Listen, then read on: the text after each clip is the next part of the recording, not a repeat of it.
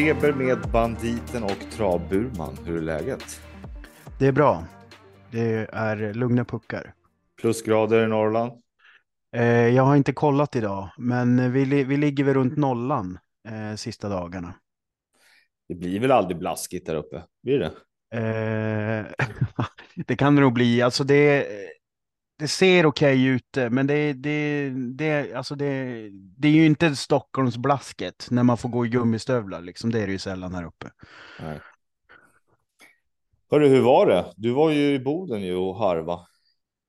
Eh, ja, precis. Jag var ju då på Boden i, eller vad fan blir det nu? Man håller på att bli dygnsvild här i måndags på den här uh, omgången som då flyttades från i fredags kväll när det var så himla kallt.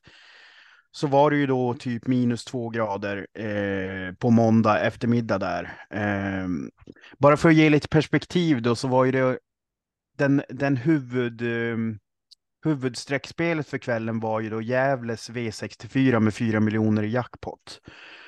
Och sen så saxades då Bodens v, V5 och V4 mot den där Gävle eh, omgången då.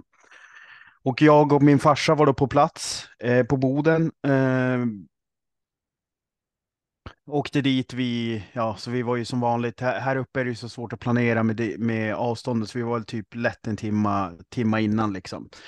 Men eh, det är andra gången jag besöker Boden de sista åren här eh, och det är på vintertid. Jag var här, eller jag var där även förra året på en lunch. Eh, då var det en lunchtävling också när det var isbana. Um, så att jag tänkte väl egentligen bara gå igenom lite vad jag tyckte helt enkelt.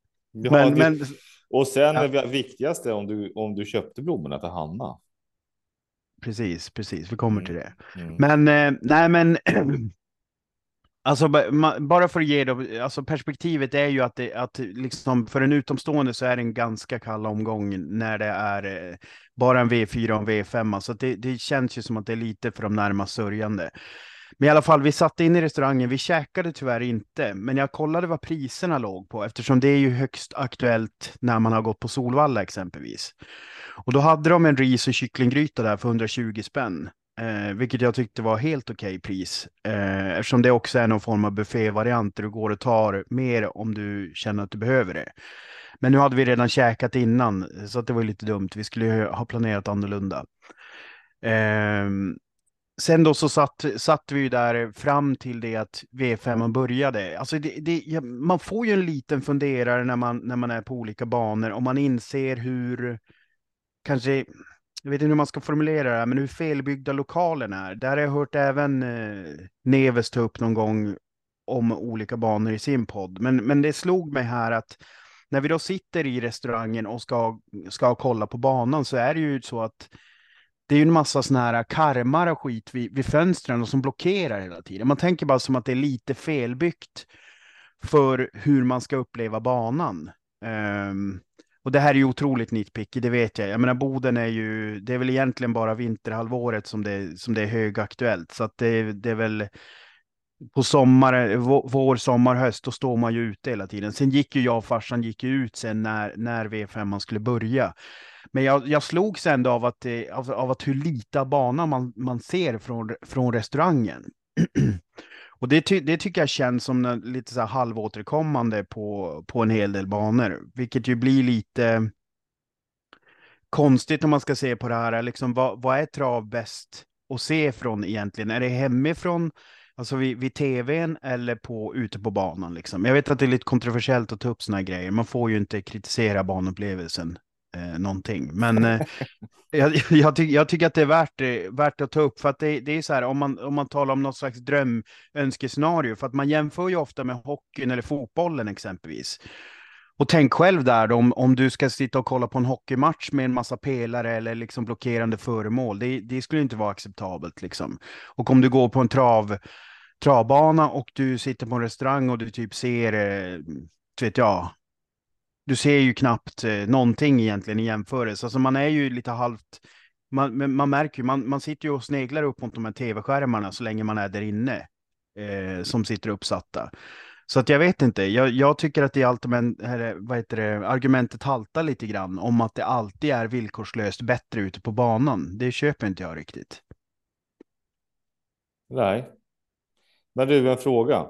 Mm. Synen, ja, det har du tagit nu, men ölpriset. ja, det, det var lite klantigt också. Farsan drack öl, men jag frågade faktiskt inte honom vad det gick på. Han, han, han tog en Mariestads, men han gnällde inte över priset, så att jag tror nog att ölpriset var acceptabelt. Ja. Bakläxa. Det är en bakläxa nästa gång du åker dit. Ja. Kolla. Mm. Ja, ja, men du, sen är det ju viktigt då eftersom du eh, Eh, du är ju en spikare av rang. Du brukar väl spika i första? Gjorde du det även på V5 eller?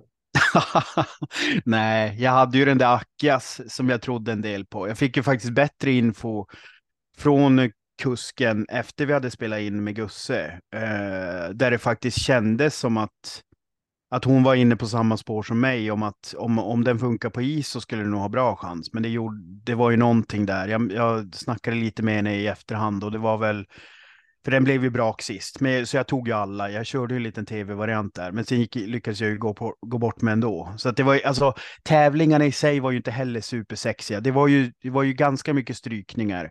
Och det tror jag beror på att de flyttade då från fredag till måndag. Då var det ju säkert vissa som inte kunde vara med liksom. Så det blev ju ganska, det blev ju lite ihåligt. Jag tror vi, vi stannade så att vi såg de två loppen innan V5 och så såg vi fyra av fem V5-lopp. Vi kollade, det sista loppet vi såg, det var ju det jag hade spikat A Beast i v, V5 4 då. Eh, och det var väl som vanligt så var det då enda loppet där typ någon blev omkörd. Då var det ju, det var väl typ i det har jag för mig. Eller det var väl ett eller två lopp. Annars var det ju bara spetsvinnare. Så det var ju en ganska kall upplevelse. Men om man då, det var ju ändå en del folk där. Det, det får man ju säga. Jag tror att jag räknade i restaurangen så var det väl typ kanske 70, nej jag vet inte, sånt där är svårt. 50, 50 pers kanske det var totalt. Sen, sen var det ju väldigt mycket funktionärer också i samband med en travtävling. Men det var väl ändå så här, jag tycker det var en, en småputtrig, rolig kväll liksom. Men det är ju så här, det hade ju varit sjukt mycket tristare om jag hade varit där själv. Det går ju inte att komma ifrån liksom. Så att eh, jag är glad att farsan hängde på. Så att eh, jag, jag tycker att man kan alltid tänka på hur, hur man liksom eh, gör en banupplevelse bättre. Eh, nu, nu har de gjort mycket bra där och jag menar, det här är ju som jag sa innan, det är ju, det är ju en otroligt kall omgång. När det är liksom flyttad, flyttad tre dagar och så sen eh, mot en jackpot på V64 och sådär. Så att det är ju, man kan inte begära så jävla mycket mer utav Boden i januari liksom. Mm.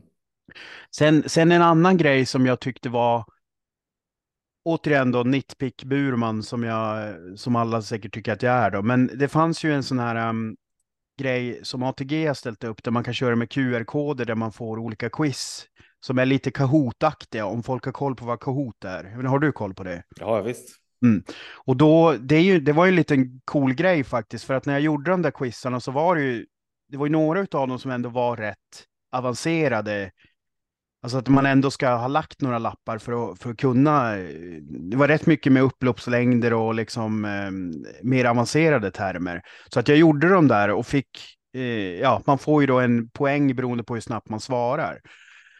Men allting är ju QR-kodsbaserat. Och så sen stod det så här, skicka, man kan bjuda in vänner och grejer, men då är det mobilnummer som krävs. Eh, det fanns liksom ingen länk jag bara kunde slänga ut, vilket ju hade varit lite kul, typ i våran chatt eller på Twitter eller någonting, och så kan folk tävla mot mitt resultat exempelvis. Så det är bara ännu en sån här gång där jag bara känner bara så här, men vad fan, gör det rätt från första början istället för att bara liksom jag, jag fattar varför det här med telefonnumret är, för det är väl att de vill ha den infon, antar jag. Alltså att de, de ska få ett telefonnummer till databasen de kan skicka ut reklam på sms. Men att inte ha bara så här kontroll C på en länk som jag kan lägga ut. Alltså det känns bara så här, fan gör det bara. Sen vet jag att det här är minimalt. Det är sådana som du och jag som håller på och apar oss med sådana här grejer. Men vad fan, det, vill man ha spridning då får man ju se till att man får ordentlig spridning också. Dra, Vilket inte, in mig, dra inte in mig i det här. Nej, men det var, det, var, det var ju någon som frågade mig på, när jag la upp på Twitter. Ja, men jag vill också göra Ja, då försökte jag filma av QR-koden, men jag tror inte det funkade. Så det gick ju inte att sprida. Liksom. Nej. Om, inte, om inte jag ska börja DM honom om hans mobilnummer. Det är väl inte så här jätte, jättekul att behöva göra kanske. Men om det ska vara riktad marknadsföring då, Joel. Mm. Ja. då är det väl så att då vill man väl bara ha numren på de som är på plats. Och om du sprider den här till 700 kåta travfantaster runt om i Sverige, då får de sms om att det är pölsa på fredag på Boden och då kommer de anmäla dem sen för de här jävla eh, smsen. Eller vad fan det blir. Så de, jo, ja, det alltså, finns en baktanke. Jo, eller, men. Eller så finns det ingen tanke, men, men jag, såg, jag såg ju en vinning i det. Ja, men vadå, jag fattar inte hur, alltså. Mm, du menar att om någon bara kli skulle klicka på länken så skulle de bara få sms-reklam sen, om det hade funnits en länk? Typ. Ja, om de måste regga sig kanske för att vara med. Ja, ja exakt. Nej, nej, men alltså det, det, är ju det jag menar. Alltså, det, det, jag håller ju med dig. Jag håller ju med dig. Det är det jag menar. Att, alltså absolut, nog kan man ha sådana grejer, men du kan inte ha en tröskel som är att du ska ha någons sms för att du ska kunna dela en quiz. Utan det jag är van vid är ju så här att ja, men jag lägger upp en länk bara och så kan folk klicka typ. Det, så, så är det ju när det funkar bra på sådana grejer. Och, det, mm. och, så vill jag bara poängtera, det här har inte Boden någonting med att göra, utan det här är ju en ren ATG-produkt. så att inte jag får dem på mig nu. Nej. Och då är den stora frågan innan vi går vidare för din Boden-upplevelse. eh, hur gick det i quizet?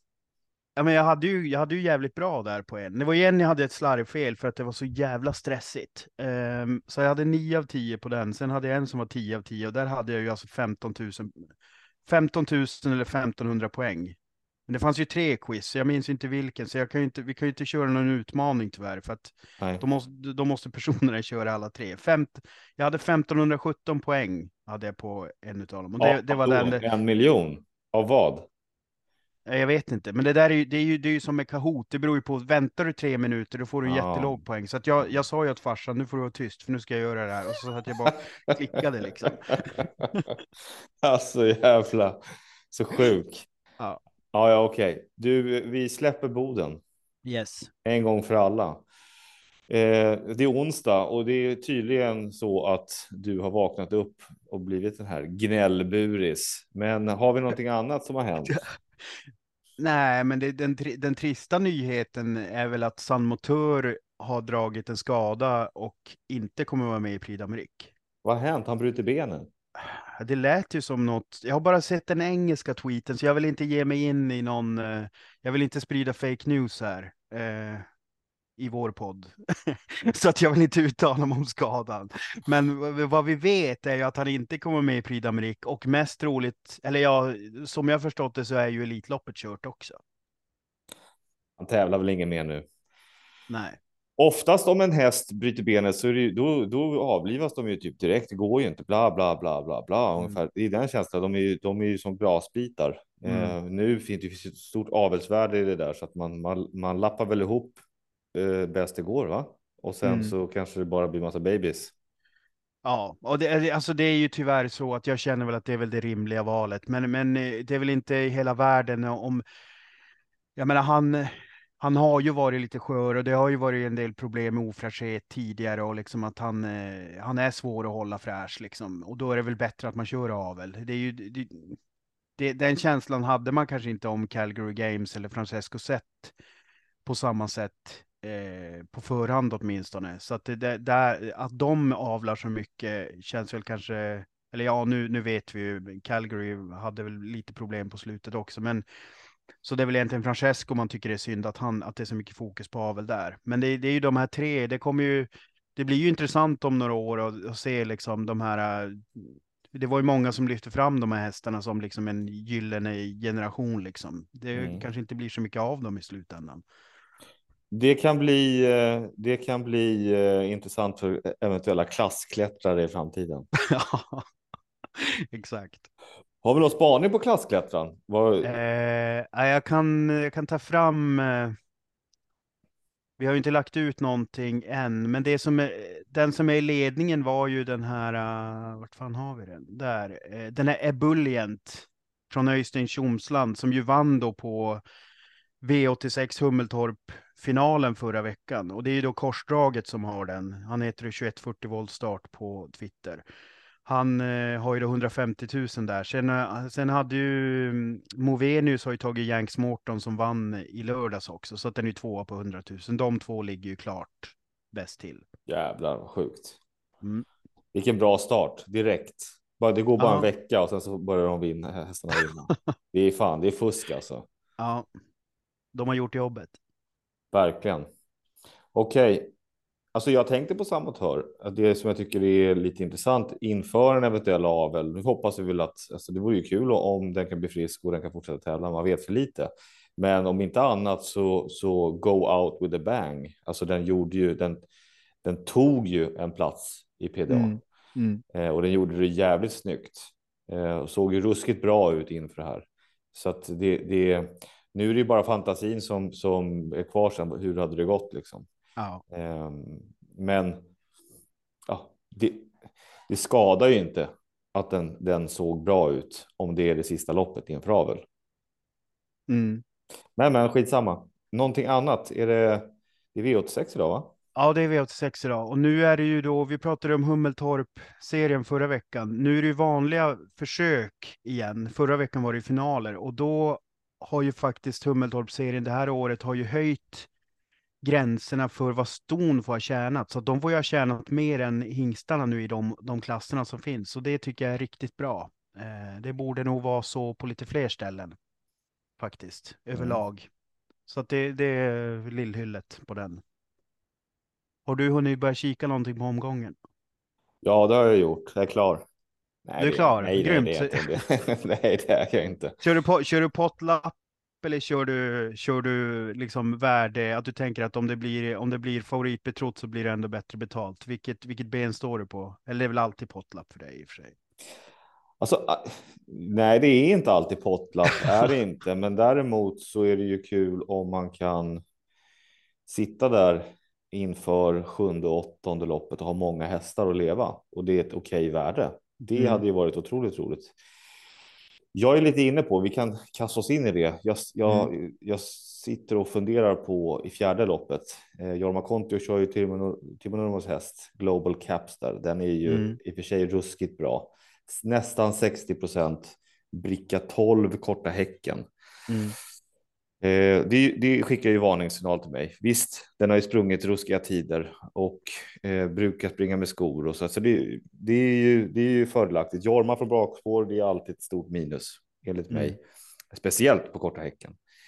Eh, här, här, jag funderar på antingen så spelar jag med tre hästar i det här loppet eller så tar jag en råkall och så spikar jag min idé Charlie Brown PC nummer sex med Mats i ljuset. Den är bara spelad till 5 Jag tror att den tar spets och sen behöver den inte springa där hela vägen. Jag tror att den har nytta av att kanske släppa.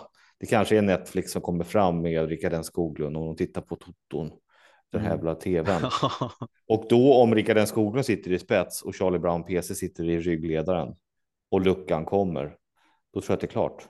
Men det är lite riskabelt att, att dra den som spik, men, men det, det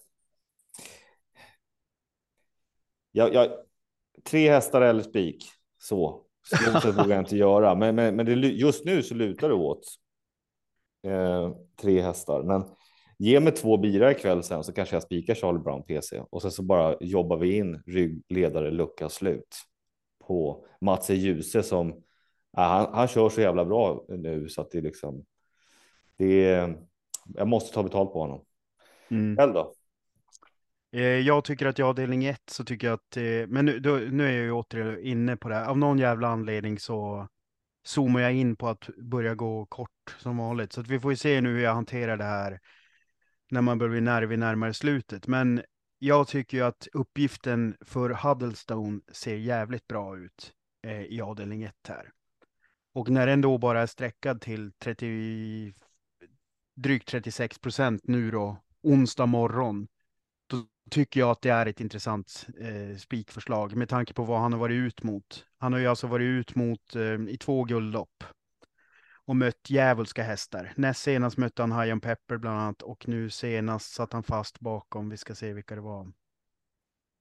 Ja, det kanske var då han var ute mot High Pepper i och för sig. Eh, på Bollnäs där, då var han ute, High, high, high on Pepper, Rome Pace Off, Dark Roadster, Santis Cocktail, Ferrari Sisu. Så att ehm, jag, tycker, jag tycker inte att motståndet i det här loppet är eh, så mycket att tala om. Det, det är Donnersham som jag gillar och det jag kollar lite snabbt så ser det ut som att han ofta vinner. Han, någon gånger han har vunnit så har det varit med en drygt månads mellanrum som det var senast, senaste starten ungefär. Men han är ju 11 år nu. Um, och bör väl kanske inte vara, jag, jag tycker ändå att Huddlestone ska vara hö, huvudet högre. Sen är det Global Above All på eh, på startvolten. Eh, det, är väl, det är väl de två emot och då tycker jag väl ändå att Huddlestone kanske är värd att ta ställning för. Mm. Utav de tre. Trots, trots att han är favorit, men det är ju liksom inte en 60 procentare eller en 70 procentare liksom. Och det är bara åtta hästar i fältet. Mm, exakt. Och då så rekommendationen är ju om man ska spela 6-7-2 till exempel. Mm. Då har du de tre mest betrodda. Alltså, då, det, man ger ju sig själv ett, ett, ett nackskott liksom, i, i, i värde i kupongen. Det är bättre då i sådana fall antingen spika eller ta alla och jobba in eh, Nidelem eller jobba in Hawcliffe liksom, med Åsa Engblom. eh, ja, men spännande. Hade stått en eventuell spik. Mm. Hörru, vi, eh, vi ska runda av. Det är mitt i veckan. Vi, yes. eh, vi hörs på fredag. Jag ringer dig då.